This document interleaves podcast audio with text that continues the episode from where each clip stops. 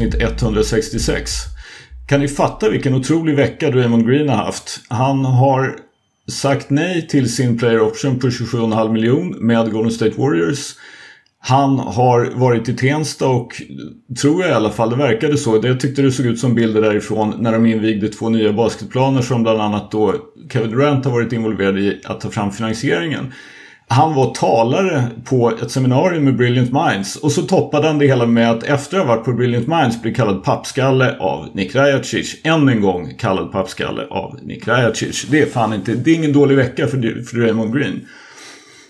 Dagens övningar, det är en av de bästa tiderna på säsongen för NBA-nörds fast det inte spelas någon basket. För det är nämligen draft, det är free agency, det är rykten. Det händer än så länge lite lagom mycket saker men på lördag så inleds Free Agency och då blir det hej vilt. För som ni vet, lagen får ju egentligen inte ha kontakt med spelare och deras agenter. Ändå är liksom Free Agent Signings klara 33 minuter efter att man har släppt Free Agency öppen. Henrik Johansson, välkommen till Bänkvärmarna avsnitt 166. Hur är det med dig? Det är bara bra tack. Det är bra tack. Det börjar närma sig semester äntligen. Det är inte som de här lärarna som får har varit lediga nu flera veckor. Utan nu börjar faktiskt man stunda semestern här.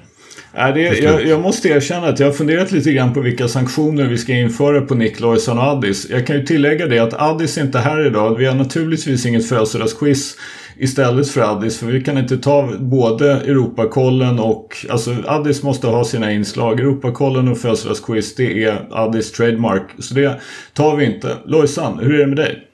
Jo men det är bra med mig tack. Det är, solen skiner här nu efter att det har regnat större delar av dagen. Men det behövs. Moder jord mår bra utav det här. Mm, det kan jag tänka mig. Ja. Var du på Ullevi och såg Bruce Springsteen någon av de tre gångerna som du hade chansen? Nej, jag var inte det. Det, det, är lite svårt att vara iväg några timmar än så länge. Ja, jag, jag fattar det. Själv hade jag nog inte gått på Bruce Springsteen än som jag kunnat, men det är en helt annan sak. Ja. Det gläder mig att folk hade roligt, för det verkar ja. som de har haft. En eh, sak bara innan vi eh, går vidare och släpper in Nick i det hela. Ja. Så skulle jag bara vilja ge en eh, shoutout till vårt svenska basketlag som var med i Special Olympics World Games förra veckan. Där våra tjejer gick och eh, vann hela under midsommarafton. Och vann finalen mot Indien med hela 24-6. Precis, OS-guld till Sverige. Det är Precis. hur stort som helst. Jättekul verkligen. Fantastiskt. Riktigt gratt, stort grattis. Som sagt, stort grattis. Nick, hur är det med dig? Det är fantastiskt bra, det är jätteroligt. Jag kom, uh, tillbaka, till Borås, jag kom tillbaka till Borås igår från Stockholm och faktiskt varit väldigt taggad att spela in det här avsnittet. Dock måste jag springa in på toa nu, jag är ledsen. Om ni har någon födelsedagsquiz, uh, Skölden har du födelsedagsquiz? Han har inte ens lyssnat. Karlström, är du här? Han kanske är på muggen. Han har mu eller mutat sig själv. Nick, naturligtvis har vi inte ett födelsedagsquiz. Jag sa ju just det att födelsedagsquiz och Europakollen är Addis trademark. Lyssnar du inte på vad jag säger som vanligt? Nej, jag måste springa in på toa nu. Bra, då hinner vi avhandla viktiga saker under tiden. Det blir perfekt. Kan vi, kan vi ta en intervention då om Nick? Om något? Vi kan säkert hitta på något ämne. Ja, men absolut. han ändå är borta. Vad, ska vi prata om Nicks stegfel på TikTok? Var, var hamnar det på pappskalleriskalan? Alltså, ja. Det värsta är, han säger att han trollar, men jag, jag tror fan inte ja, Man blir ju lite osäker när han citationstecken trollar gång på gång på gång med dessa stegfel och kallar dem för moves. Alltså, alla, alla dessa TikTok-kids som får fel bild av hur man spelar basket. Jag är faktiskt lite, lite orolig. Okej, okay, vad var värst då? Han stegfel eller Jarrett Allen i third team All-NBA? Uh, eh, Ja, det, det, är faktiskt en bra fråga. Jag skulle säga så här med facit i hand så tycker jag nog faktiskt att det var ännu värre med Cat i second team. Ja, faktiskt. Men, ja. men han har ju förändrat sporten. Det var ju Cat i second team som ledde till att han kunde ta Jarrett Allen. I third team. Så det, det, det känns på något sätt som att, jag vet, jag vet inte, det är ju naturligtvis inte 9 plus på pappskalleriskalan men det är väl 7,8 eller något sånt där i alla fall. Minst. Minst. Ja, ja. Har du någonting du vill intervenera mot, mot Nick med Lojsan? Det är ju kul att hugga kniven i ryggen på honom när han är helt omedveten om det. Nej men det är väl alltid så härligt hur han, hur han bara får till sina små skrik ibland. Mitt från ingenstans. Ja, det var ju därför jag ville lägga upp den här videon idag på Twitter. Den här lilla Ja, ungen som inte fick blåsa ut ljusen. Det var så nick. Faktum är att jag, en liten spoiler eller en teaser kan vi väl säga. Jag spelade in ett avsnitt som kommer att släppas senare i veckan igår kväll med Joakim Sander, resident Boston Freak som har varit gäst hos bänken en gång förut. Och då sa jag det till honom när vi höll på och skulle sätta, få liksom rätt ljudnivå sådär. Så sa jag att ja, men gult är helt okej. Och det funkar ju liksom helt uppenbarligen med rött. För Nick har ju spelat in ett antal avsnitt. Jag vet inte hur ofta han är uppe på rött. Men det är mycket. Så det, det var, ja, då skrattade Sander och sa ja men det är lugnt. Då vet vi att det funkar att gå lite högre snarare än att gå lite lägre. Så When Nick goes low, we goes high. Eller om det nu möjligen var tvärtom. When Nick goes high, we go low. Så, nu har vi huggit kniven When- i, ryggen på Nick tillräckligt tycker jag. Det, det, tänk när When han Nick goes away, we go low. we go low. Ja, vi kan gå vidare. Ja, han förtjänade ju som sagt det. Men Johansson, vi vet ju alla att du är jättelycklig för det här med draften. Men det har du varit i ett halvår eller var när vi nu fick reda på att Spurs fick första picken och kunde välja Victor Wembanyama. Men bortsett från Victor Wembanyama till dina älskade Spurs. Så vad tyckte du var mest intressant med draften i övrigt? Nej, men någonstans så är det så här, jag, jag har ju alltid erkänt att jag inte är någon draft-guru så. Eh, jag har försökt lyssna en del och hänga med en del och diskussionen, den stora diskussionen har ju varit Miller över Scoot, liksom. Vem som skulle gå vart. Ehm, nu blev det ju Charlotte för Miller och det tycker jag ska bli intressant att se. För det tror jag kan bli en ganska rolig fit tillsammans med, med Lamello. Men det, det tecknet och det som vi väntar på någonting, det är ju så här nu när Portland valde Scoot och inte gjorde sig av med picken, vad, vad kommer det att leda till? Ehm, det är ju liksom för mig den typ me- mest, det var den, den mest nästan överhängande frågan när det väl var så här, okej, vem av de två ska de välja? Kommer Scoot till Portland, vad händer då? Och det är väl det som mycket av diskussionerna sker.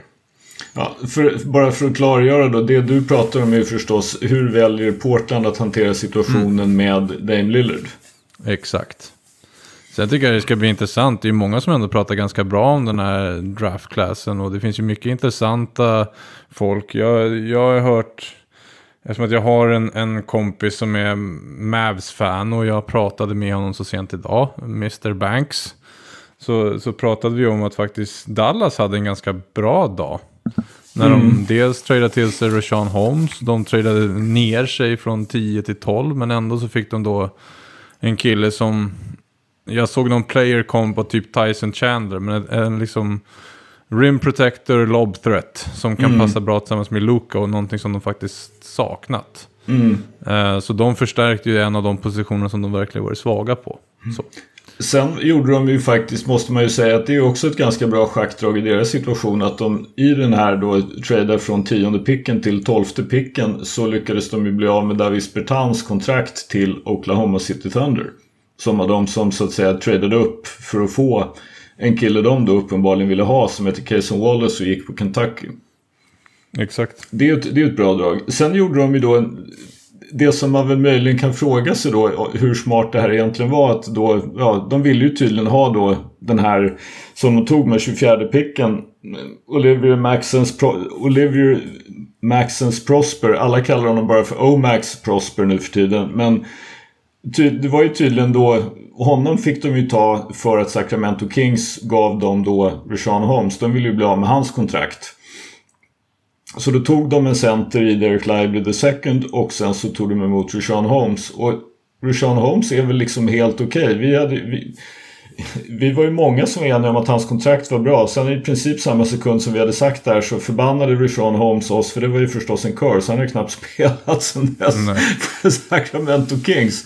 Men han passar kanske inte hundra i Dallas eftersom det de behöver om de nu ska ha Luka och Kyrie i rim protection och det är väl kanske inte hans starka sida. Så den, den moven är väl liksom, vad vet man? Däremot ska ju då den här Omax Prosper tydligen var en väldigt bra försvarare. Så man kan ju förstå att det varför de ville göra det här. Lojsan, hade du någonting på draften som du... Warriors hade ju 19 picken. Ja, det såg jag. Nej, jag är, just när det kommer till draften och sånt är jag rätt ny i det hela. Men det är såklart, den stora hypen har ju varit kring Wembanyama. Sen tycker jag det ska bli lite intressant att se just det här tvillingparet, Thompson-paret. Mm. Vad, vad de kan göra, för de har jag sett lite av och, och läst och så. Så det är väl mest de som har varit. Eh, och sen då de som ni pratar om, Miller och, och, och Scoot där. Hur, hur de blir. Eh, så det är väl det lilla jag har på det här. Nick, är du tillbaka nu? Nej, det är han inte. Man hör bara att det låter i jag kom bakgrunden. precis nu. Jag kom Ja. precis nu. Ja, Helvete. Först, Ja. först, och främst, först och främst, jag hörde allt. Jag hade kvar mina hörlurar. Så jag hörde, jag, jag hörde allt om Jarrett Allen. Alltså det var ju... Det var ju en period på två veckor där vid Jar- Jarrett Allen-perioden, där ni skällde ut mig för mina åsikter. Alltså, det spelar ingen roll vad ni säger, jag skulle aldrig skälla ut er för något ni tycker. Men hur som helst, vi går vidare. Eh, du frågade om draften. Här är mina tankar. Nummer ett, de är två Thompson-brorsorna. Röd flagga. De kommer från en liga som är på allvar ett skämt. De spelade, jag vet inte hur många som följer detta, men de spelade i en liga som, som är bokstavligt talat ett skämt där de ja, fick göra som de ville. En påhittad liga uh, som heter Overtime, där bara, ja, typ All Star Match-aktig uh, eh, inställning på spelarna. Så det tycker jag är lite oroväckande, men uh, det jag gillade dock är när de frågade De frågade någon av de här två brorsorna typ Ja, vet du vem som var first pick i den här draften? Vet du vem som var tredje pick i den? Han visste allting, alltså är han basketball junkie Jag vet inte om det var Azar eller Amen va?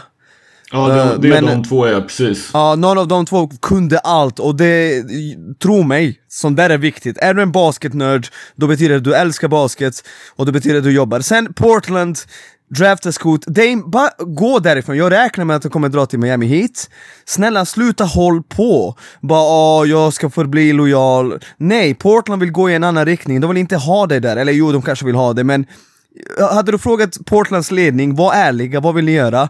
Bygga en Championship contender runt Dame, eller, vilket inte kommer hända, eller uh, spränga skiten och börja om från noll. De hade föredragit att spränga skiten. Och sen Brandon Miller, uh, han, han var alltså involverad i en situation där en tjej blev mördad uh, med hans vapen om jag förstod rätt.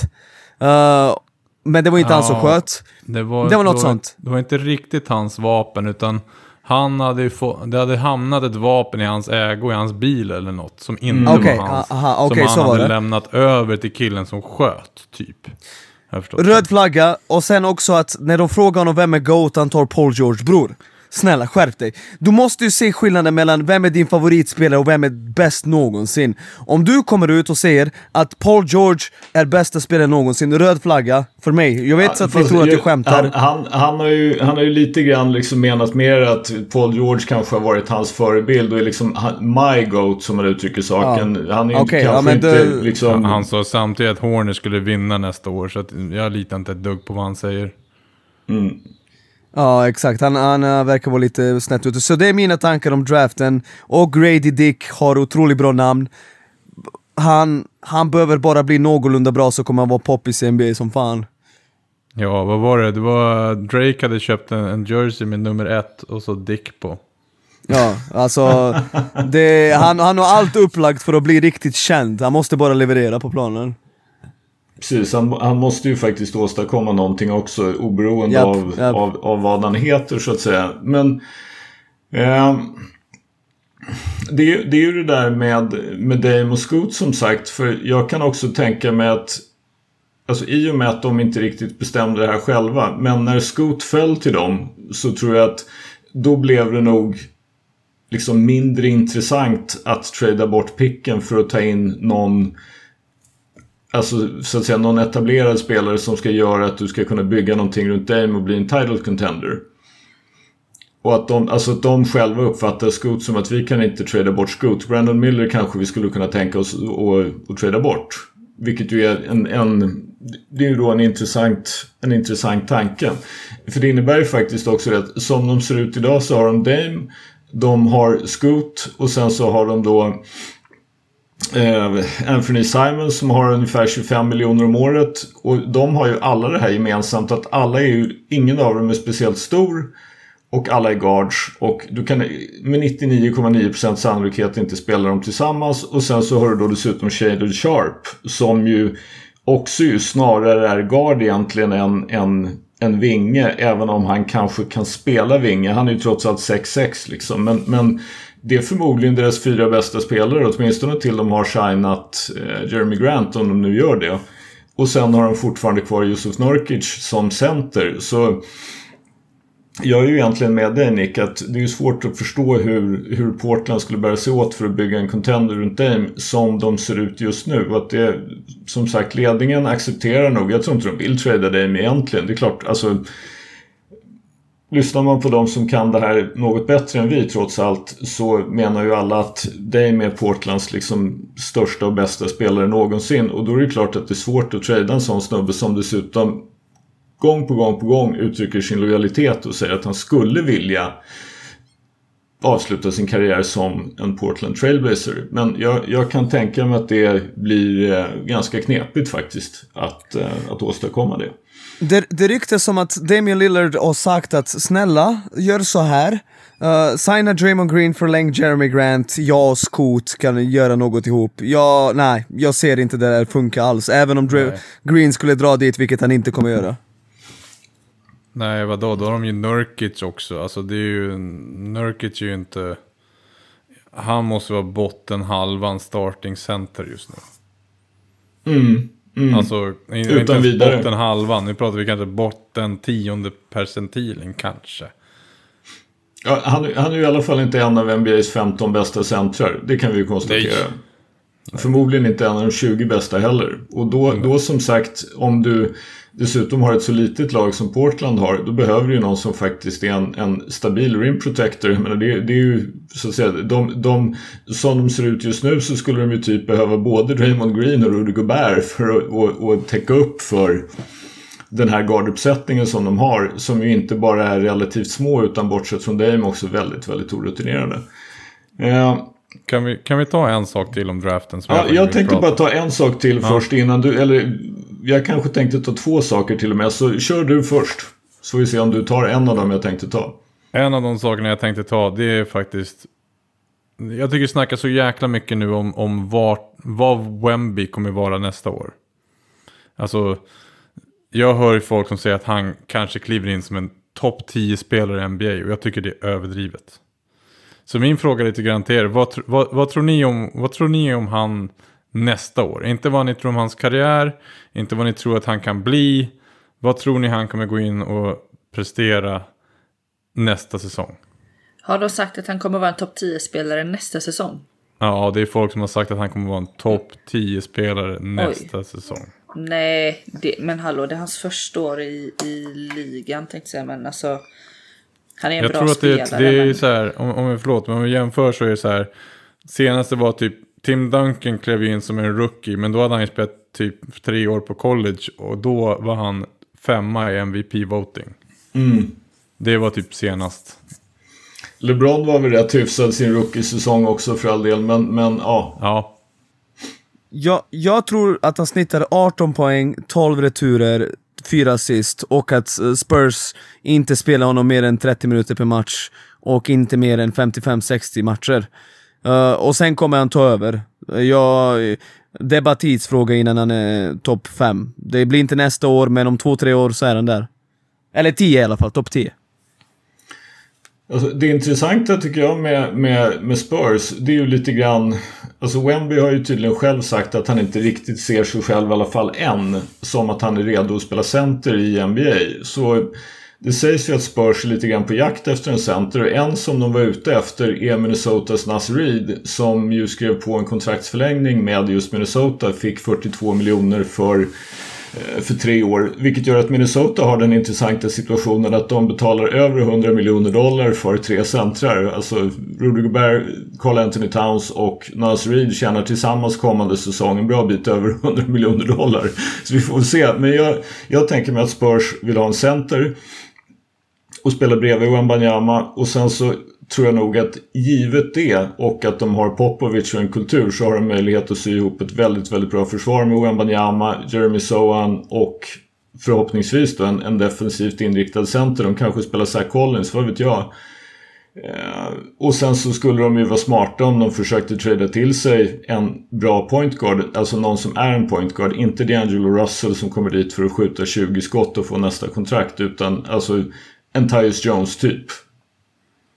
Ja, jag, jag, skulle, jag skulle snarare gissa att, att Wemby kanske startar som center men att Sohan drar de, de tyngre defensiva. Så han, de är 4-5, Keldon Johnson 3, Vesell 2 typ. Mm, mm. Ungefär så. Och sen så finns det ett antal, det finns ju en andra Jones som uh, finns som point guard. Men det vore bättre med en, en bra point guard. För sen har de flera, Han är free två, agent dock, Trey Jones. Ja. Mm. Så att uh, jag tror att de kommer starta med Sohan och, och Wemby. Men sen kommer Sohan säkert få ta, jag menar oavsett om man, om man, hittar, sen, om man hittar en okej okay center så är det fortfarande så. Man är rökt mot Embiid, man är rökt mot Jokic. Det är bara någonstans acceptera det. Då kan Sohan lika ta honom och Wemby kan vara liksom leka Robert Williams där i bakgrunden och försöka blocka lite skott typ. Mm. Mm. Ja, men jag vill bara veta vad, vad, vad, ni trodde. Jag tror inte han kommer kliva in som en topp 10. 18, 8, 17, 8 typ. Mm. Mm. Jag tycker han verkar gå mer efter blockar än efter returer. Så jag vet inte om han kommer ta två digits returer riktigt. Mm, mm.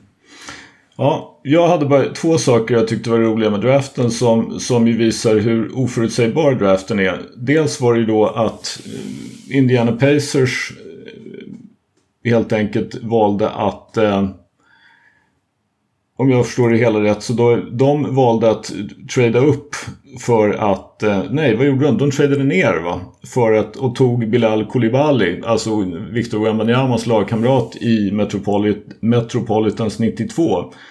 En 19-åring som var typ 5 och 11 eller någonting, alltså under 1,80 för bara något år eller två sedan. Men nu helt plötsligt är 6,6, alltså typ 1,96, 1,97, 1,98 beroende på hur vi ska räkna skor. Och är otroligt atletisk. Alltså faktiskt otroligt atletisk och ju kom in och tog minuter i, i, i slutspelet för Metropolitans. Så han, han är ju en intressant spelare. Sen var det också intressant att se psykologin i hur en spelare som har rankats högt i alla mockdrafts hela, åren, hela året helt plötsligt bara föll. Alltså det var ju de som hade pratat om att Houston Rockets med fjärde picken skulle ta Cam Whitmore. De tog istället Damon Thompson. Sen dröjde det alltså ända till 20 innan någon tog Cam Whitmore från Villanova.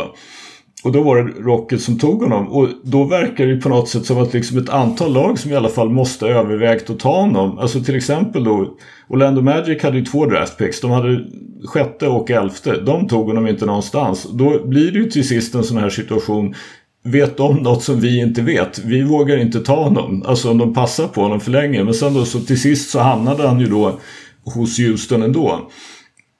Och det har varit rykten om, om varför, han, varför han föll så långt. Men, men kul som sagt att fundera över psykologin i det här. Eh, Nick, ska vi gå till det som har hänt på tradefronten? Den tyngsta traden är väl egentligen Porzingis och Marcus Smart och så då även Tyus Jones då som går från Memphis till Wizards. Den pratade jag rätt mycket med Joakim Sander om igår. Men ändå Nick, du, du är ju ingen Marcus Smart-apologet. Vad har du att säga om den? Alltså, hade du lyssnat på Nick Sörna, min broder? Nu blev du busted.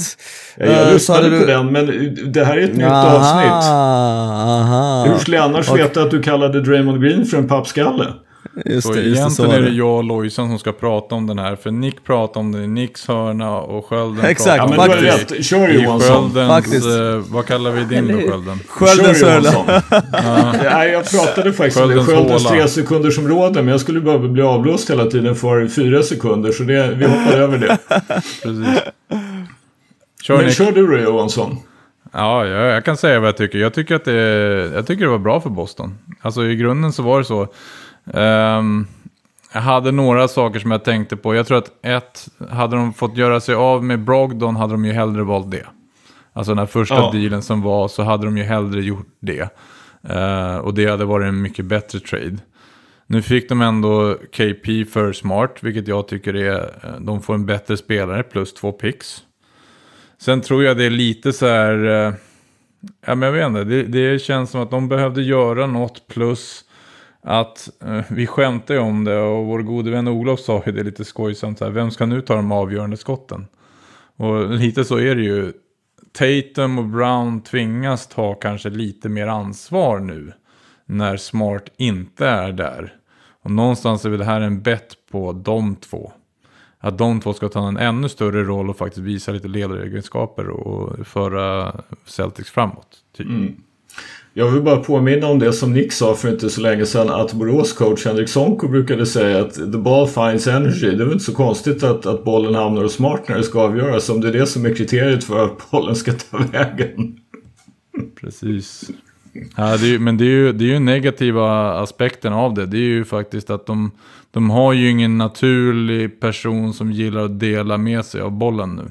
Alltså, de mm. har ju många ändhållplatser men inte så många som vill dela med sig av, mm. av kulan. Så att det, det blir Precis, intressant få, få som kör funkar. ut bussen från garaget. Ja, Desto fler som vill, vill eh, kliva av den vid en station. Ja, men, men, men rent krasst är det så här. Mm, Porzingis hade sitt bästa år någonsin. Och jag tycker det ska bli jättekul att se vad han faktiskt lyckas med. Om han lyckas hitta den här balansen med att, med att inte vara skadad liksom. Så att, eh, ja, det blir spännande. Det som... Lojsan förresten, du har väl någonting på det här också? Ja, det var, jag tänkte fortsätta på det eh, Johansson avslutade med just med eh, skador på Porzingis. Att det tror jag blir väldigt avgörande i om det här är, eh, eller om det lyckas för Celtics.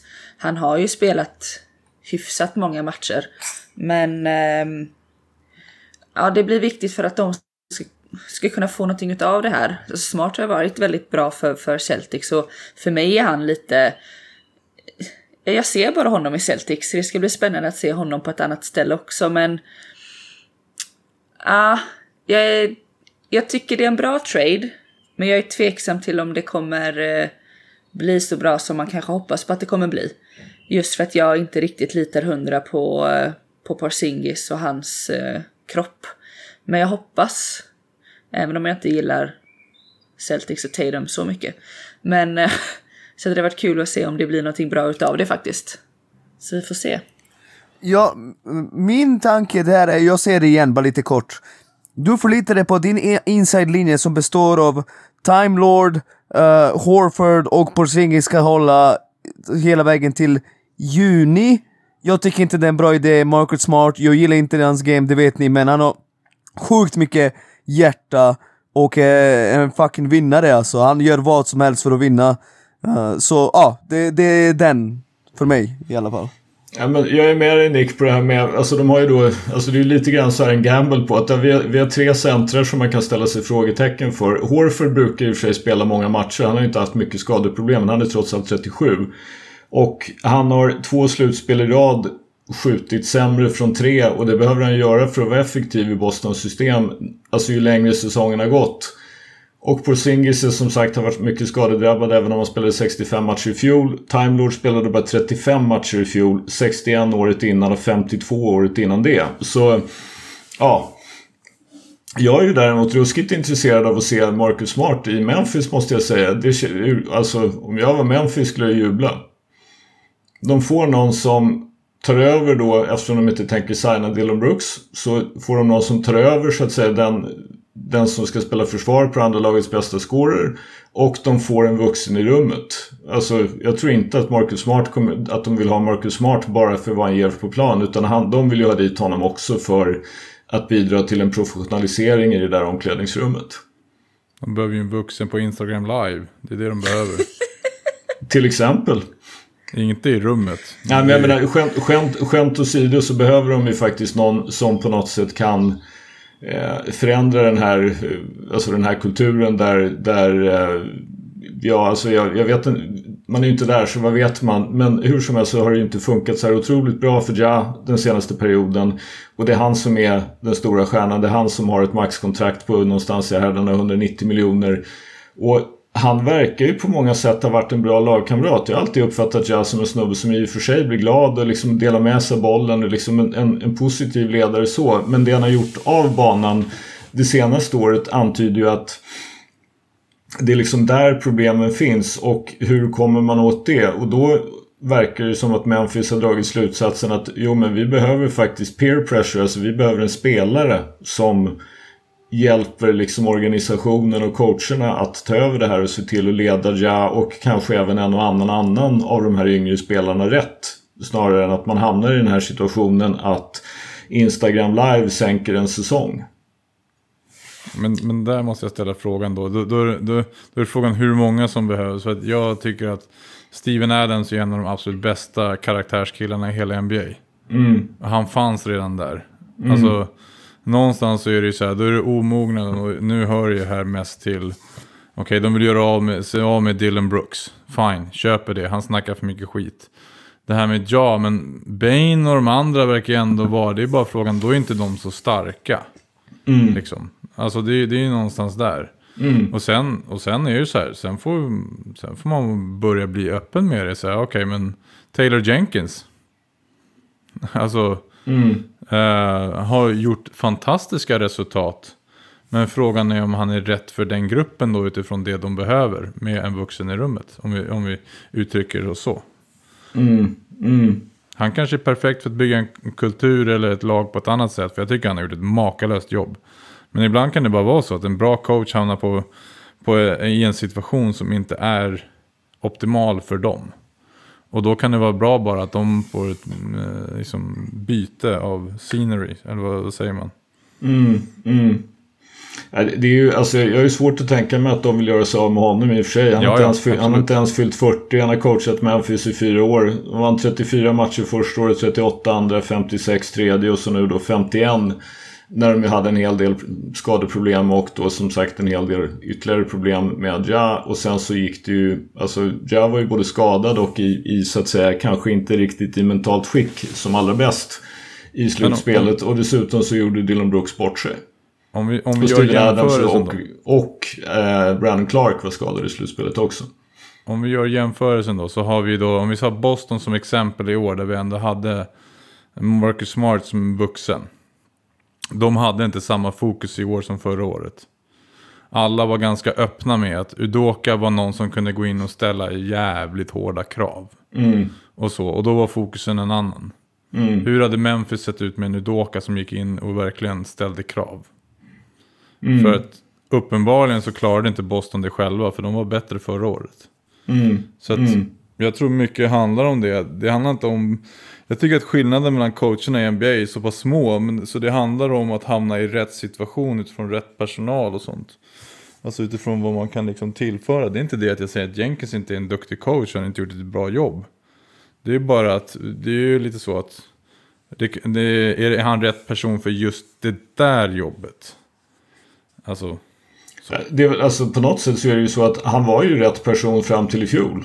Alltså, och sen, sen, sen kan man ju då fråga sig vad, vad hände och vad beror det på? Och, vad, alltså det, och den, den informationen sitter ju i alla fall inte jag på så man kan göra en, en, en kvalificerad gissning utan man kan ju bara spekulera egentligen. Men ska vi ta eh, nästa trade när vi ändå är igång då?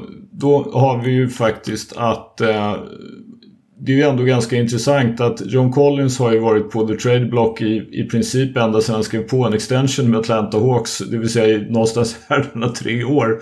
Och till sist blev han tradad och då fick de alltså eh, från Utah Jazz så fick de Rudy Gay och a future second round pick. Det vill säga att de är helt nöjda med att bara bli av med de här sista tre åren på hans kontrakt och 78 miljoner. Det är ju en total lönedumpning. Någon som säger emot? Nej, jag tycker att Utah Jazz, de började ju bygga någonting i år.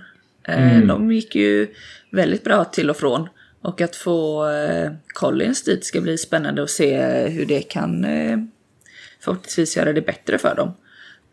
Så det... Nej men jag tycker att det är kul att han hamnade där. Och se vad de kan bygga vidare på nu när han är där. Och de tappade Rudy. Mm. Eller tappade, men vad man ska säga. Ja, de, alltså, de Rudy kan, var ganska kass. Ja, men de kan, de kan nog leva med det. Han är 37 och liksom, ja. Ja, det är ett lyft liksom. Att jag, jag, jag ska vara ärlig. Honom. jag ska vara ärlig, jag trodde inte Rudy Gay var kvar i NBA. Kör du Luis, förlåt. Ja. Nej, det, jag var färdig där. Så det är Nej, nej men det är ju, det är ju, det är ju en perfekt chansning för Utah till ett pris av ingenting. Exakt. Precis så. Precis Exakt, så. alltså det är, ju, det är ju det det är. Alltså så här, de betalade, alltså Hawks-fans måste vara frustrerade till slut över vad de kunde ha fått för ett år sedan eller två år sedan. Och så slutade det med att man fick det där. Ja, i, i, man blev av med hans lön. Det är, ju- det är ju faktiskt i praktiken det man fick. Och det, det är ju möjligt att det betyder någonting för dem. För de förmodligen med tanke på vad de gav upp för att få dit John Murray så vill de förmodligen ha kvar honom. De vill ju inte tappa honom bara alltså, utan att få någonting tillbaka. Och då kanske det är strategiskt att, att ha blivit av med John Collins lön som de ju ändå inte alltså, på något sätt kunde få någon glädje av. På planen. Exakt. Eh, Vi har ju en trade till som det står lite still i huvudet på med vilken det var. Vi sa ju det precis Den måste ju. Lojsan få börja på. Just det, precis. Warriors, just det. Så var det. Ja, och där skickade man ju Jordan Poole, eh, vad var det, två draft picks också va? Eh, till Wizards mot eh, CP3. Och jag ser ju varför Golden State eh, tradar bort Jordan Poole. Eh, det var vi lite inne på förra veckan och varit tidigare att dynamiken har inte varit så bra i laget efter det som hände med Draymond Green och han. Och det känns som att man vill ha kvar Draymond och, eh, och se om man kan göra en sista run. Och därför skickar man Pool. Men att ta CP3, jag, jag vet inte riktigt om det är en så bra fit i laget, om det är det som man behöver. Eh, har ju varit skadad mycket i alla slutspel och ser inte om det är den pusselbiten som behövs i laget. Så det, det känns lite som en gambling. För det verkar som att de vill ha kvar honom. Um, så ja, vi får se. Det här verkar väl innebära att Draymond stannar. Uh, men uh, ja, det är en intressant trade alltså. Mm, mm. Vad säger du Nick? Resident Golden State-hatare? Ja, alltså jag tycker bara överlag att eh, Golden State inte har blivit bättre och det känns ju ganska bra. Nu rapporteras det mycket om, det fin- om att det finns liksom eh, stora eh, missförstånd, säger jag, mellan de här yngre i laget och mellan äldre och det älskar vi också. För stora sprickor är inte bra att ha om du siktar på att vinna allt. Så jag tycker att vi, vi sitter lugnt i båten just nu, men man vet ju, alltså jag, jag fruktade att en trade skulle komma som skulle gå ut på att trada Pool och Kaminga för Bradley Beal. Som tur är så blev det inte så, men något lag, något idiotlag där ute kommer att gå på den där. Eh, uh, Kaminga kommer att ha bra start på säsongen, Moody kommer typ att göra en match på 20 poäng och så kommer, jag vet inte så kommer, vad har vi för dåliga lag som vill bli av med spelare? Uh, så kommer typ, jag vet inte. Uh, Atlanta kommer fram, varsågod ni, ni får Bogdanovic och typ Capella, jag vet inte. Uh, så det matchar inte kontraktmässigt, men ni fattar vad jag menar, jag är lite orolig att potentialen finns att de kan förstärka ordentligt uh, mot början av grundserien. Alltså jag är lite så här eh, jag tror din Denver slickar sig runt munnen just nu. alltså, Varför? För någonstans är det så här, om man tittar på vad då... eh, jag fattar att CP kommer liksom... En, en, man pratar ju väldigt mycket om off, on-off när Curry spelar och inte spelar. Skillnaden. Och CP kommer ju liksom stävja upp andra line-upen på ett bättre sätt. Köper det. Men ska de kunna avsluta med Curry och CP3 så innebär det att de blir fruktansvärt små. Och för att komma förbi Nuggets som är fruktansvärt stora och smarta på att utnyttja det så tror jag bara inte att det går. Liksom. Kom de längre upp i rankingordningen för att de gjorde den här traden? Tveksamt. Nej. Sen, sen är det så liksom, Chris Paul för att han ska vara bra så måste han ha bollen i händerna, köra 10-15 pick roll per match i alla fall, minst. Och komma till straffområdet och det är inte Golden States identitet. Det är ju inte det. Alltså helt ärligt, Kerr vill inte spela basket på det sättet.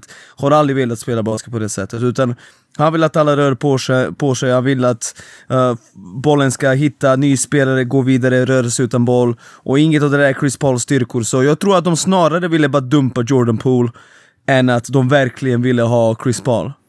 Ja, det, det känns så faktiskt. Sensmoralen i NBA, slå först. Då får du stanna. Då får du... Fan vad taskigt. Taskigt sagt Johansson. Ja, jo, kanske var. Maybe a little bit truth, men ja. Precis, funny cause it's true. Det är klart att de ville bli av med Jordan Poole. Alltså Och att det, hans att, kontrakt. Ja, hans kontrakt. För alltså det, det måste man väl ändå, alltså med facit i hand så som sagt, och det, det pratade vi om en hel del, att det är ju naturligtvis svårt att få en fungerande kemi i ett lag där man har haft, alltså och inte bara det händer, för som sagt det vet vi, det har slagits på, på träningar förut, men att, att det blir offentligt och man ska gå igenom det och man inte kan, alltså man, man måste prata om det och allt det där. Det är klart att det där satt.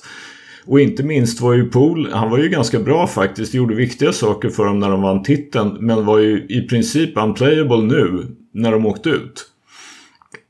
De kunde ju knappt spela honom och då, då är det ju som du säger Nick, att jag menar, det, det, är väl, det hela hänger väl på, skulle jag säga, på kan man hitta en roll där Chris Paul spelar 20 minuter per match istället för 32 och där han som sagt täcker upp de minuter som Steph Curry inte spelar och man hittar någon metod för liksom, hur man ska då på något sätt spela till exempel då om Clay Thompson sitter och man spelar istället då Chris Paul och Steph Curry att man liksom på något sätt får hitta en metod. Jag tror att Chris Paul ändå känner att ja, men okej, det här är nog förmodligen min sista chans. Jag är 38 och jag tror att det här, alltså jag minns inte exakt hur hans kontraktsituation kontraktssituation ser ut, men jag menar han blir inte yngre, åren går, han har aldrig vunnit en titel. Jag tror att Chris Paul ändå är beredd att göra ett och annat för att få det här att funka. Och han är ju ingen dum basketspelare. Att han har valt att spela på ett sätt när han på något sätt har varit en main guy betyder ju inte att han är eh, inte förstår att han behöver göra någonting annorlunda nu och att, han måste, och att det är han som måste anpassa sig snarare än att få laget att anpassa sig efter honom som det alltid har varit förut. Så det, jag tycker att den är rätt spännande men jag är ju långt ifrån sådär så att jag är 100% inne på den. För det är som du säger Johansson, Denver är Denver är stora och det är uppenbart att de är svåra att möta. Jag menar, som, som Golden State är konstruerade just nu så måste de kunna spela Kuminga i ett slutspel om de möter Denver Nuggets. Han är den enda som de har, så att säga, som inte är Kevon Looney och Draymond Green som är tillräckligt stor för att hävda sig mot Denvers startfemma. Eh, ja. Som sagt, Free Agency börjar på lördag. Det finns ett antal Free Agents som är av mer eller mindre intresse. Den som vi inte har pratat någonting om överhuvudtaget som vi fortfarande är ganska intressant är James Harden. Som ryktas gå tillbaka till Houston fast ingen riktigt begriper vad han skulle göra det för. Men ja, Jo, alla vet varför han ska gå tillbaka dit. Sluta nu. Ja, som sagt, det är... Jo då, men, men ändå. Det är samtidigt lite svårt för, för Det är ungefär sätt... som när Paul Pierce skrev på ett sista kontrakt med Boston för att få sin jersey retired. Och Harden vill ha den i någon strippklubb där nere. Harden verkar ju också vilja ha ett kontrakt till och lite pengar och... och men som sagt, det är ju... Det är ju inte en okomplicerad situation för Philadelphia. Vad ger man James Harden egentligen nu? Liksom vad, alltså Houston kan ju på något sätt... Han är ju tydligen... Jag menar, Houston-fans älskar ju James Harden. Så är det ju. Det kan man ju fatta varför. Det är ju liksom inga...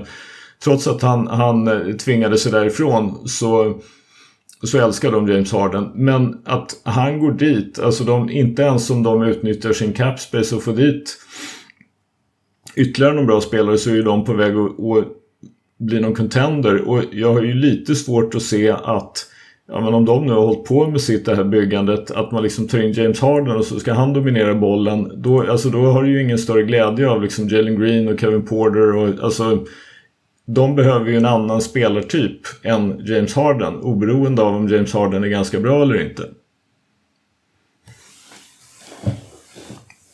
Nåväl, ska vi lämna NBA så länge då? Vi får ju anledning att återkomma som sagt i nästa avsnitt när det börjar hända grejer i, i, eh, på free agency-marknaden och det förmodligen då också börjar bli en del trades för att man ska kunna få loss pengar och plats i lagbygget för nya spelare. Nick, du har ju kommenterat en massa dam-EM. Jag misstänker att du är lite småsugen på att prata om det.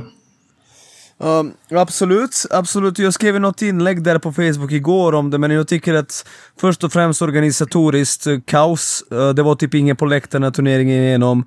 På så sätt, Fiba, ni suger, ni vet ju det. Snälla skärp er. Ni ser till att basketen inte blir större. På riktigt alltså, det, det är ju patetiskt. Men när det gäller produkten på planen... Nick, får jag bara yes. avbryta två sekunder? Vad var, jag glömmer nu, vad var det finalen gick? Gick den i Israel eller? I, I Ljubljana.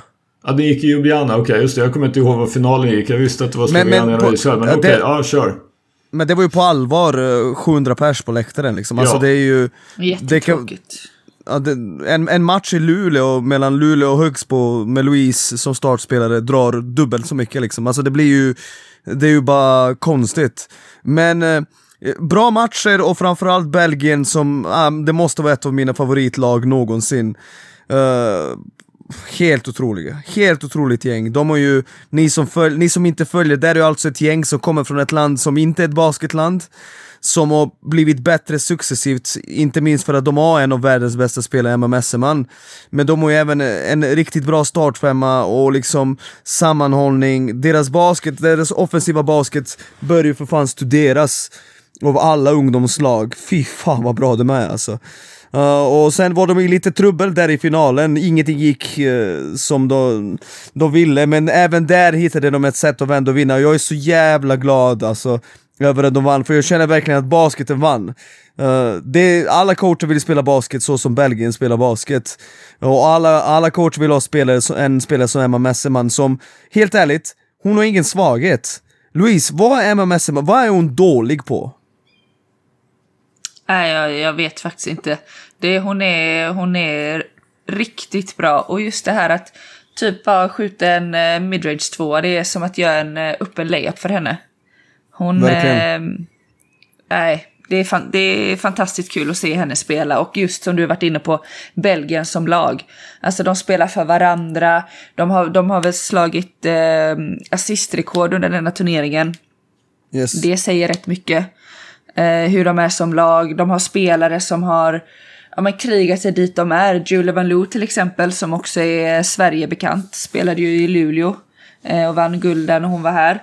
I eh, EM 2021 så hade hon en väldigt liten roll, snittade 2,5 poäng. Har på dessa två åren gjort en, ja, gjort en jätteresa, snittar 16,2 poäng denna, denna turneringen, kommer med i All-Star 5 Väldigt välförtjänt. Så det är ju ett nej, superkul att se hur det här laget och hur spelarna har tagit sig an denna utmaningen och vann. Ja, för, för du vet, jag frågade dig om Messerman för att jag tänkte på det igår. Hon kan, alltså Kanske att hon inte är superatletisk, men hon är fortfarande tillräckligt atletisk för att kunna spela bra försvar och liksom uh, komma till lägen hon behöver. Alltså, hon har till och med handles. Jag vet inte hur många gånger på toppen alla överspelade, hon sätter bollen i studs, gör en spin move, går, alltså hon har allt! Allt! Hon är ja, helt det, overklig. Det tänkte jag på under matcher också, hur de bara ibland tog returer och bara pushade bollen själv hela vägen till korgen. Och bara, jaha, det var det. Var det. Bra jobbat. Och, Snyggt. Och sen, och sen tycker jag också alltså att inget av det där händer om deras spelare sommar efter sommar efter sommar efter sommar dyker upp. Så på det sättet tycker jag också att uh, de förtjänar den vinsten och jag tycker, jag vill inte pika svenska spelare, men jag vill bara berätta för svenska spelare att det är så här man bygger den ultimata framgången. Ibland må, vill du liksom att ditt landslag ska lyckas och att sporten ska bli större i ditt land så måste det hända på det här sättet. Jag är helt övertygad att det här kommer skapa en dominoeffekt där Belgien kommer att bli en maktfaktor uh, i massa år framöver, för det här kommer inspirera uh, jag, jag såg att det var folk som väntade på dem på flygplatsen, såg du det på Twitter Louise? Ja, alltså det, det är riktigt häftigt alltså. Mäktigt som fan att, att de har det stödet hemma och det förtjänar de för de uh, ett av bästa lag jag sett i mitt liv. enkelt alltså, enkelt. Verkligen. Och jag hoppas att det är många där ute som har sett matcherna. Har ni inte gjort det så finns väl matcherna kvar på SVT Play eh, några dagar till. Så eh, check it out för att det har varit riktigt bra basket. De slog ju regerande mästarna med 40 poäng liksom i kvarten. Alltså, det är ju... Bara det Fran-. Fran- och, sen, och sen även första halvan mot Frankrike, alltså Frankrike är det bästa defensiva landslaget tyckte jag i EM. De kunde inte göra någonting, sen i andra stoppade de faktiskt Belgien ganska bra, men första, de bara släppte in typ 48 poäng. Det, det, det gick inte att stoppa dem. Det var så jävla bra alltså. Ja, men det, och det, alltså, jag är ju inte mycket för det här att man ska prata om liksom, vägen till titeln. Det här att Denver hade en lätt väg till titeln eller sådär. Men oberoende av vilket. Belgien hade ju svårast tänkbara väg egentligen. De slog alltså Serbien, de slog Frankrike och de slog Spanien. Så de tillsammans med, alltså tillsammans med Belgien var ju det de, stora, de fyra stora förhandsfavoriterna i turneringen. De slog tre av dem. Mm. Skölden, du, du såg finalen va? Ja, jag såg semi mot Frankrike också. Jag såg lite grann av Spaniens semi också. Vad tyckte du om matcherna?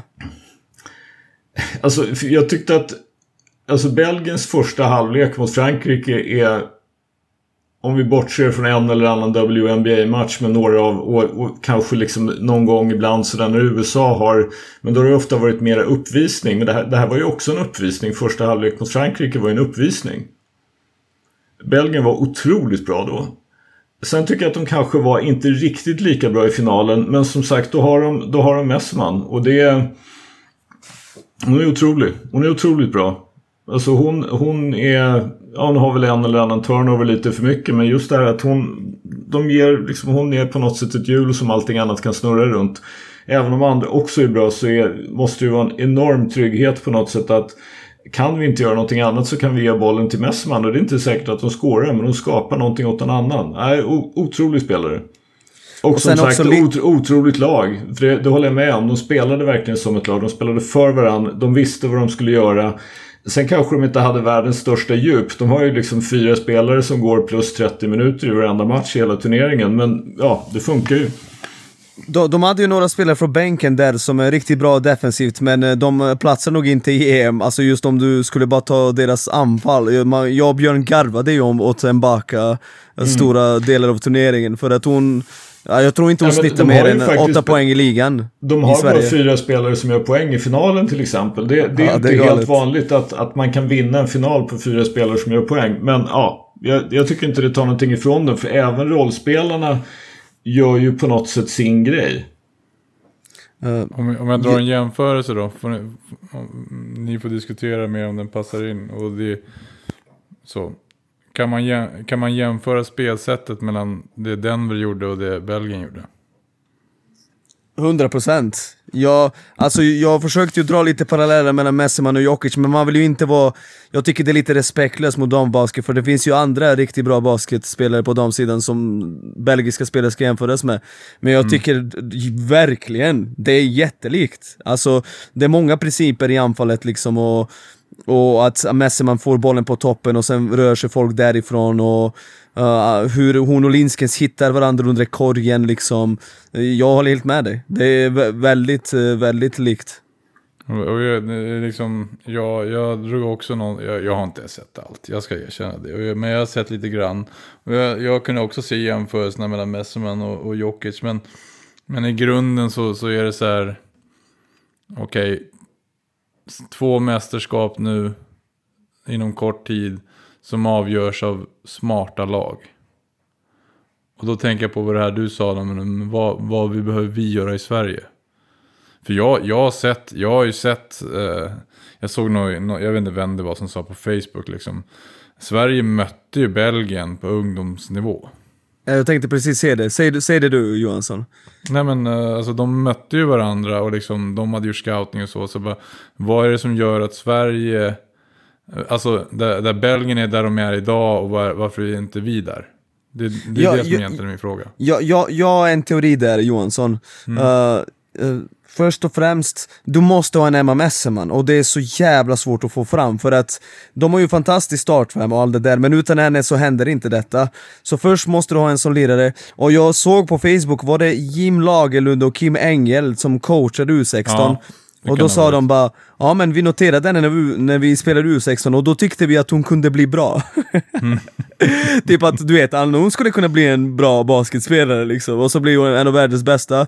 Och sen tycker jag också, alltså låt oss ta en spelare som Van Loo, som var i Sverige 2016, jättebra. In, ingen tänkte så här, ja men det här är ju spelare i, i liksom världsklass. Det var ingen som gjorde det. Hon var ju här så sent som... Louise, du mötte ju henne för fan 2000, va? Hon gjorde en match i Gothia Arena när hon kom tillbaka, eller hur? 2020. Nej, uh, uh, Hennes första match tillbaka spelade. var ju... Ja, hon var med i den matchen. Jag tror du mötte henne där. Och, och, och inte ens då tänkte någon, ja men det är ju en spelare som liksom är topp 5 i ett EM. Så jag tycker att det finns ju många saker där, nummer ett, det är aldrig för sent att utvecklas. De har ju fått mycket ur många spelare där i startfemman. Eh, nummer två, du måste ha en stjärna, men nummer tre, du måste ju liksom jobba på rätt sätt med spelarna och du måste spela basket på rätt sätt. Alltså de gjorde det verkligen på ett osjälviskt sätt. Och vad kan vi lära oss här i Sverige? Jo, att jag vet inte, det är svårt att dra lärdomar för som sagt, det är många saker där de gjorde som är så jävla svåra att få ihop om du lever i ett litet land som Belgien och Sverige är basketmässigt. Jag skulle gärna vilja ha Emma Messerman i Sveriges landslag, men det går ju inte. Uh, Nej, men, Ja, men, jag, jag är lite nå- ut- någonstans är det väl så att jag menar, vi, vi har väl hoppat... Alltså, Emma Messman har ju blivit det som Sverige hoppades att Lolo Halvarsson skulle bli. Ja, du drog den jämförelsen och det tyckte jag var intressant för att uh, Lolo drog ju till Dynamo Moskva och tjänade stora pengar ganska tidigt. Och jag såg Lolo Halvarsson spela i Kinnhallen när hon var typ 18. Det var den sjukaste, en- en av de sjukaste överkörningar jag sett i Kinnahallen någonsin. Alltså, hon var så sjukt bra när hon var typ 18 bast. Uh, Det där med att hon kunde spela med ryggen mot korgen och skjuta, hon missade ju ingenting i den matchen minns jag. Men vet du fan om Lolo hade den potentialen att bli så här bra. Nej, men alltså det... Det vet jag inte om man kan säga, men jag menar, hon, hon hade... Det var ju fler, det var ju inte bara Dynamo Moskva som såg den potentialen. Jag menar, hon var ju ett år yngre när hon spelade U19-VM och gick till final. Hon var ju otroligt viktig i den turneringen också, så det, det är ju... Eh, alltså ingen skugga över Lollo, det är inte det jag menar. Men, men Messerman är ju helt enkelt ett snäpp eller två bättre. Det är ju inte svårare än så. Ja, hon är ju bara överlägsen. Helt överlägsen. Så ja, så är det. Ska vi ta dagens sista ämne? Det blir inga hot takes eller frågelåda idag för vi har varit upptagna med annat och tyckte att vi får nog ihop ett avsnitt ändå. Det är ju så Nick att du vill, och det tror jag nog Lojsan vill också för den delen, vill prata lite grann ungdomsbasket och eh, i det här fallet då de som har blivit uttagna till zonläger för U15. Så här är det, jag, jag såg ju två landslagslistor igår Eh, som handlade om U15-landslaget. Och jag ska vara ärlig, jag bara klickade på här sidan och såg, ja, precis som vanligt senaste två åren. Det är bara Stockholmslag, Stockholmslag, Stockholmslag, Södertälje, Stockholmslag, Stockholm, Uppsala, Stockholmslag. Alltså förstår ni vad jag menar? Sen på de sidorna var det faktiskt väldigt många spelare som kom utanför. Majoriteten var inte från Stockholmsområdet. Så jag såg inte hela. Men min poäng är att de senaste åren, jag tycker att jag ser en tydlig skillnad jämfört med åren innan där många från Stockholm får plats. Och jag har aldrig sagt att coacher favoriserar. Jag har aldrig sagt att det inte är de bästa spelarna som får plats. Det jag ser och jag är orolig över är varför ser det ut som här? För det är inte bra, det är inte hälsosamt för svensk basket att det, vi har den fördelningen, fördelningen. Och då är det många som vill göra det till en svartvit diskussion. Bara, ja men titta på Stockholms lag, U16, det är bara lag från Stockholm. Ja, för att de har ju flest spel att välja mellan och de kör över alla andra. Det betyder inte att någon från Jönköping inte är bra nog att spela. Alltså förstår ni vad jag menar? Jag tycker den här diskussionen med regionsläger eh, som har plockats bort. Och jag vill bara säga till alla som lyssnar, det är många som säger men varför plockades det bort? Det är inte så att förbundet satt där och säger åh nu ska vi göra något dumt, nu plockar vi bort regionslandslaget. Utan pengarna finns inte till det längre.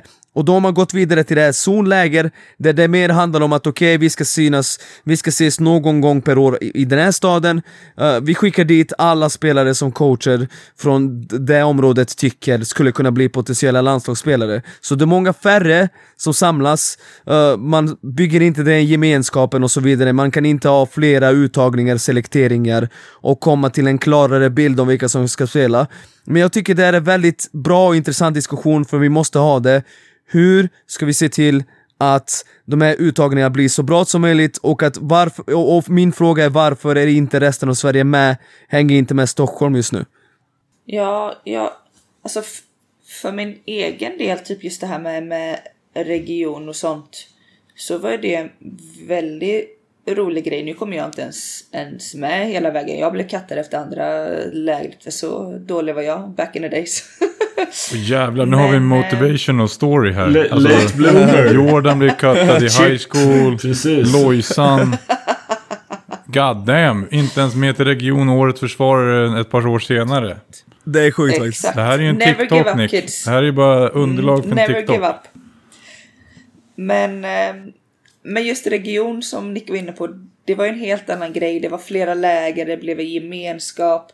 Eh, coacherna kunde se spelare under en längre period, hur det var, hur det funkade. Och de här zonlägren, jag själv har inte riktigt eh, fattat hur det, hur det funkar. Det känns som att det är för få, för få tillfällen för att det ska kunna bli någonting bra utav det. Um, och det är också intressant just det här med att Stockholm är väldigt starka och har, har i princip alltid varit det. Så var det förr också. Det var många från Stockholm, många från Södertälje som, eh, som var med. Men regionslägren gjorde det ändå möjligt för flera att kunna synas för att det var södra, västra, mellersta, östra och allt så. Eh, så jag vet inte. Eh, det är också svårt att säga varför Stockholm är så dominanta som de är på, på ungdomssidan. Och sen väldigt tråkigt om man tittar uppåt att det inte ens finns några, alltså ett rent ligalag. Alvik finns ju eh, på damsidan men herrsidan har ju inget ligalag så vad händer med alla ungdomarna sen? Men det är en annan diskussion. Men eh, det är väldigt tråkigt att region har försvunnit för det känns inte som att den här utsträckningen som behövs för coacher att kunna se spelare ja, från hela Sverige räcker till med de här zonlägren. Faktiskt. Faktiskt. Fast i och för sig är det väl så att jag menar, de, de 30 spelare som är uttagna till två olika zonläger eh, de, de inbillar jag mig ändå att man, det, det, är inte egentligen det som är problemet att man inte har sett dem utan det är väl, det är väl snarare just det här det man teoretiskt kan tänka sig. Alltså, det är ju så, tittar man på det så är det en geografiskt skev bild. Det är fem eller sex spelare som inte kommer från Stockholmsområdet om man räknar Uppsala till Stockholmsområdet. Eller då så är det ju också då några stycken som, är, som redan är utomlands. Men om vi bortser från de som är utomlands så är det fem eller sex stycken som kommer någon annanstans ifrån än Stockholm. Och Alltså ett är det ju förstås att det är här det finns flest spelare. Det är ju i princip så att det är fem, minst 50% av spelarna är i det här området. Och de spelar mot varann. Och här finns ju också kanske så att säga en... en alltså, vad ska vi säga, det finns fler bra coacher här än vad det gör någon annanstans. Det finns säkert lika bra coacher någon annanstans men inte lika många för lika många spelare. Men det är ju, och så bortsett från så att säga, problemet är väl inte i och för sig liksom att ja men vilka har vi tagit ut utan tycker jag det är ju just det här varför kommer ingen från Luleå? Varför kommer ingen från Sundsvall? Varför kommer ingen från Göteborg? Alltså det är ju gör de, man måste ju fråga sig vem är det så att säga som finns, sköter man inte träningen där? Jag, jag kan säga så här till dig Skölden, där kommer folk från Luleå inte uttala rätt ut. De, de är mest eh, missnöjda, folk från Norrbotten är de som är mest missnöjda med det nya systemet. För de känner att liksom deras spelare syns inte, deras spelare uh, tas inte ut i landslagen och det tycker de är riktigt jävla surt och tråkigt. Alltså, det jag vet tycker, jag. Jag, jag, tycker, jag tycker att det brukar ske det. Jag har inte sett det än hittills i år. Jag har inte tittat så noga efter det. Men jag tycker att det brukar se just det här att, att eh, vissa så att säga, regioner känner sig missgynnade av det här. Men det är ju också så att det är ju... Alltså Luleå är ju ändå ett sånt ställe som det är ganska enkelt att ha koll på. Det finns ju bra coacher där. Det finns ju coacher som är i landslagsverksamheten, inte minst därför att man har ett RIG på både dam och herrsidan. Och det innebär, alltså de coacherna ser ju de här spelarna. Och det är ju också så att de spelare som är uttagna nu, 30 killar och 30 tjejer. Det är ju förstås spelare som förbundet vill ska gå på RIG. Alltså det är ju en anledning till att man startade U15-landslagen överhuvudtaget. Det är för att få en bättre bild av vilka spelare skulle det vara bra att vi får in på RIG. Sen har det ju också varit så att traditionellt så är ju så att säga de som kanske har varit minst benägna att gå på RIG är ju faktiskt spelarna från Stockholmsområdet. Det kan nog ändras nu när det som Lojsan säger i praktiken inte finns några ligalag i Stockholm. Det finns ett i Uppsala, det finns ett i Södertälje men det finns inget i Stockholm. Om jag, får, om jag skulle säga så här, då säger jag lite så här tillspetsat nu, för jag, jag kan inte all fakta. Men det, vi är ju här för att säga en åsikt, så då säger vi en åsikt. Och då säger jag klart och tydligt, både när det handlar om Rigen och när det handlar om landslaget så tycker inte jag uppgiften är att ta ut de 15 bästa. Jag såg samma diskussion när det var vilka Luleå tog ut. När det gällde, det var ett skrik om att det var ju typ bara Stockholmsfolk. Alltså utifrån Rigen på, jag kommer inte ihåg om det var killsidan eller tjejsidan, där får du rätta mig Nick. Men, men man behöver ha ett större taktiskt tänk. Man behöver ha ett, även om det är så att regionen inte finns så kan man ha ett större taktiskt tänk och tänka att till den här samlingen så tar jag ut de här spelarna för att jag vill se dem. Till den här läget tar jag ut de här. Till det här läget tar jag ut de här. Men vi i Sverige är ju så otroligt beroende av att vi ska vinna nästa match. Och då blir det ofta så här, för det blir en jämförelse mellan coacher, det blir en jämförelse mellan klubbar. Och jag tycker att man kan lämna många Stockholmsspelare i sina klubbar för att de har bra utvecklingsmiljöer. Och det hade varit bättre, och det har jag sagt förut, och jag tyckte att det skulle vara Sandas roll när jag var där, att det ska vara ett komplement till storklubbarna för att vi ska bredda pyramiden. Väldigt bra sagt. Men är inte det deras roll nu också? Är det inte det som är tanken? Ja men nu, nu var det ju så, så att vi sa, skulle, alltså jag kommer ihåg för någon månad sedan så var det så här, vilka blev uttagna till RIG? Och då var det också bara Stockholmsspelare. Då var det exakt samma snack som det var nu utifrån exakt. som landslagen. Exakt samma snack, för det är typ exakt samma spelare. Det hade varit gynnsamt om RIGet i Luleå ändå hade bara så här, okej, okay, hälften av våra platser fylls från Norrland. Så. Alltså då hade fler men, fått men, en utmaning och, och jag, fler hade fått ses. Jag vet, men det får de inte. Du vet, förut hade exempelvis RIG Luleå, eh, de, de hade öronmärkta platser för spelare från Luleå, men det togs bort för flera år sedan. Så ja, det där får man tydligen inte göra inom riksidrottsgymnasien. Ja, det finns ju kriterier alltså för, för så att säga hur... Men i stort sett så blir det ju mycket en bedömning. Och det är sen klart är det så här, att det är okay, så. Om man, inte, om man inte uttalar att man öronmärker. Och så säger man så här, men vi väljer den här Umeå-killen istället för att vi väljer den här Stockholms-killen.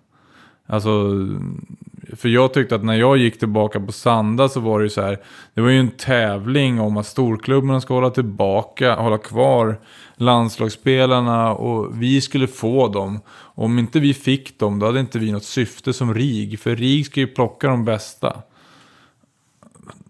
Då blev jag bara så här, då vi tävlar om samma spelare för att den här lilla ankdammen som är svensk basket är så liten. Jag skulle, hur, hur, hur, ska vi rätta till det här? Jag vet inte, så vi, jag, jag har inte svaren och vi har inte svaren, men jag tycker att det är bra diskussion att ha och, och det är bra att fortsätta lyfta fram. Uh, och förresten Johansson, det känns så jävla sjukt att du har varit coach på RIG alltså. Ja, ja, från det jag, perspektivet, från det ja, perspektivet känns det bara... Jag har varit coach på herrligan, jag har varit coach i damligan, jag har varit coach på basketettan, herrar, eh, damer, superettan, jag har coachat, eh, på, jag har varit ledare på RIG. Jag har ganska hyggliga perspektiv. Jag har varit med om diskussionerna från alla nivåer. Och jag tycker ändå att nivåerna är så spännande. När jag var utanför RIG då var det så snack om att Oj vad förbundet stöttar dem. Och så kommer man till RIG och så bara, vi, ni får 100 000. På en budget på 4 miljoner. Så bara, okej, okay. vi är inte stöttade så jävla mycket av förbundet. Så att, ja, jag, jag är med på det. Någonstans så är det så här, fan svensk basket behöver kavla upp ärmarna tillsammans och inte behöva eh, oroa sig om att pissa revir. Vi har en jätte, jättekull som kommer med intresse. Det är bara att titta på Nicks TikTok som liksom flyger iväg för att det finns ett intresse. Basket det- är intressant, men vi är inte här- redo. Vi är inte redo som förbund och som sport att ta emot det. För klubbarna, Det- organisationen och allt, vi är inte redo. Jobbar inte mot samma håll känns det som. Inte hela alls. tiden. Och det är jätte, jätteviktigt att man gör det. Jag tycker det är bra, bra punkt att eh, ta upp där Johansson. Verkligen. Jobba tillsammans mot samma mål. Eh, vi har väl tjatat om det här hur länge som helst eller på att säga. I princip så länge som bänkvärmen har funnits. Så att det intressanta är att det finns många utvecklingsmiljöer. Alltså det, det finns inte one size fits all. Det passar inte alla att flytta hemifrån som 15-16-åring och gå på ett RIG. Var nu än det här riget ligger. Och det finns de som det passar perfekt och de behöver komma iväg. Och det finns de som det passar bra att gå high school i USA. Det finns de det inte passar överhuvudtaget. Utan det handlar ju som sagt om att vi behöver fler klubbar som kan erbjuda bra utvecklingsmöjligheter för fler. Jag tror ju också att, alltså, som du säger Johansson, i, i ett antal fall så är det ju kanske inte det viktiga att så att säga de bästa hamnar på RIG. Även om jag fattar att det finns en, en eh, Alltså det finns så att säga en, någonting politiskt som är bra med det. Alltså man kan vända sig mot Riksidrottsförbundet, man kan vända sig mot Skolinspektionen och allt vad det är. Jo men vi åstadkommer det här. Vi, vi, vi skulle kanske till och med behöva tredje RIG. Alltså ni fattar, det finns liksom grejer som, som där man ju förstås vill driva det här. Men det intressanta är ju ändå det, ja det är 15 spelare som hamnar på RIG som 15-åringar. Vi behöver ju att liksom de 2, 3, 4, 500 spelarna näst, som kommer så att säga som inte kommer in på RIG. De måste ju också ha en utvecklingsmiljö. Det är ju då Precis. det blir bra. Vi vet inte hur bra de här blir när de är 15. Det är inte svårare än så. Sen, sen är det så, jag, jag vill bara säga att jag har gjort, innan vi går vidare, jag har gjort en 180 när det gäller det där med att skicka folk systematiskt till college. Jag var väldigt anti det, men sen när jag insåg fan, de här spelarna, de har, vi, vi vet när Johan Stark var här och gästade, så pratade de om att kids som kommer upp, går från RIG till svenska basketligan, antal timmar de tränar minskar drastiskt. Och det, det var verkligen en tankeställare för mig. Jag har gjort en 180, jag tycker det är rätt för unga spelare att faktiskt satsa på att gå, bas, gå basgymnasiet, gå RIG och sen satsa på att komma ut. För där kommer de få timmar de behöver för att utvecklas. Vi kanske måste göra som Finland. Finland hade faktiskt, eller jag vet inte om de har det fortfarande, men när han och Muttala var klar med sin karriär, han blev ju en sån snubbe på förbundet som hade i uppgift att skicka ut kids till USA liksom. Uh, till college. Och high school då också. Ja, men de hade ju, Finland har ju haft ett landslagsprogram med en röd tråd. Så. Och Det är jag, därför de är bra nu. Ja, och jag kan köpa det där med college också, även om det är så att det du säger är rätt och det är ett underbetyg till klubbarna.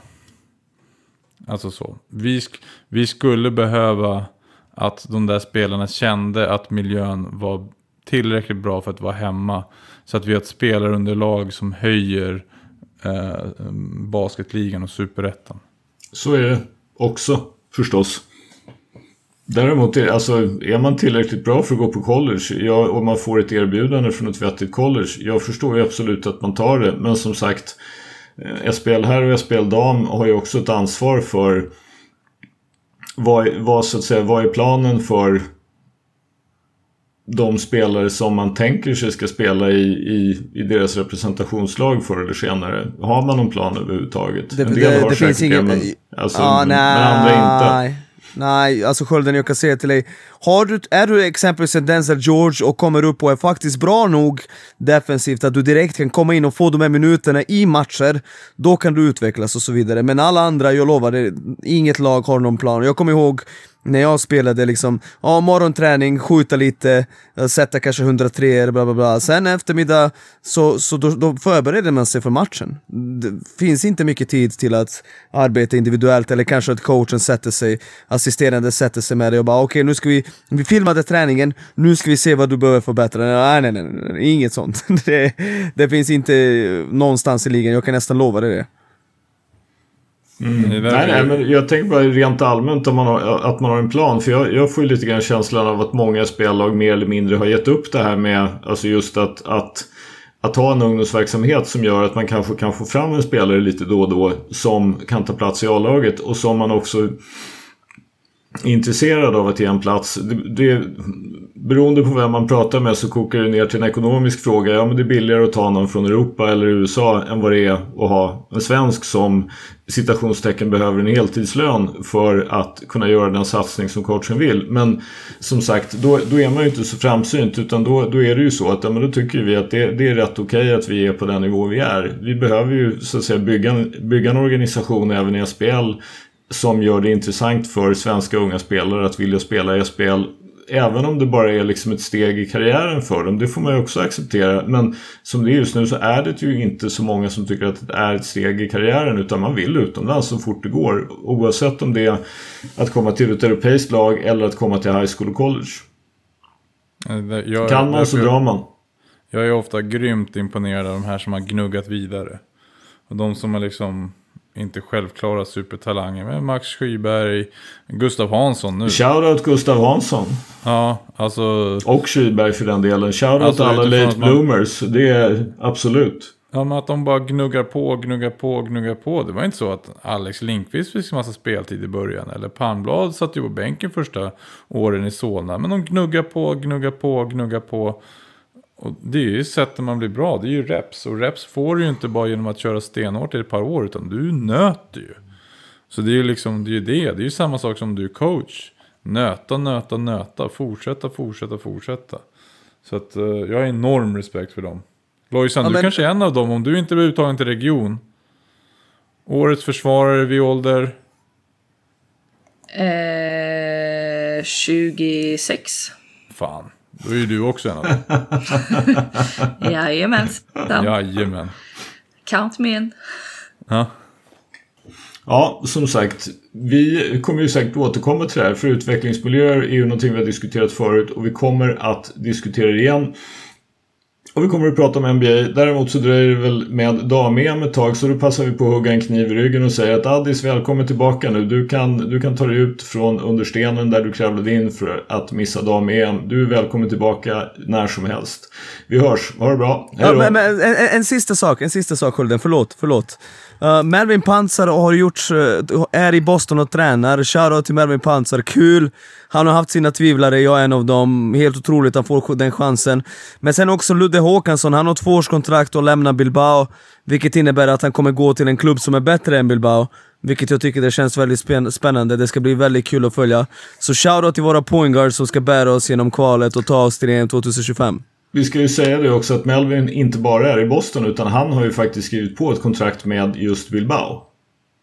Just det, precis. Så ja, Lud Luddes ersättare i Bilbao är svensk. Det, det är ju lite intressant att de väljer just Melvin faktiskt. Men han har ju varit otroligt bra i eh, serien under högsta i spanska i, Sp i Spanien helt enkelt. Så det är ju inte konstigt att Bilbao och, tycker och att de har bra koll på honom. Och inte minst i landslaget. Jag tror nej, definitivt nej. att det är en del av att folk har fått upp ögonen för honom. Det tror jag med. Det är jag helt övertygad om. Så pass bra som han har varit både i försvar och som han har utvecklat sitt anfall. Försvar har han kunnat spela länge. Vi prövar igen då. Vi hörs. Ha det bra. Hej då! hej då, hej då.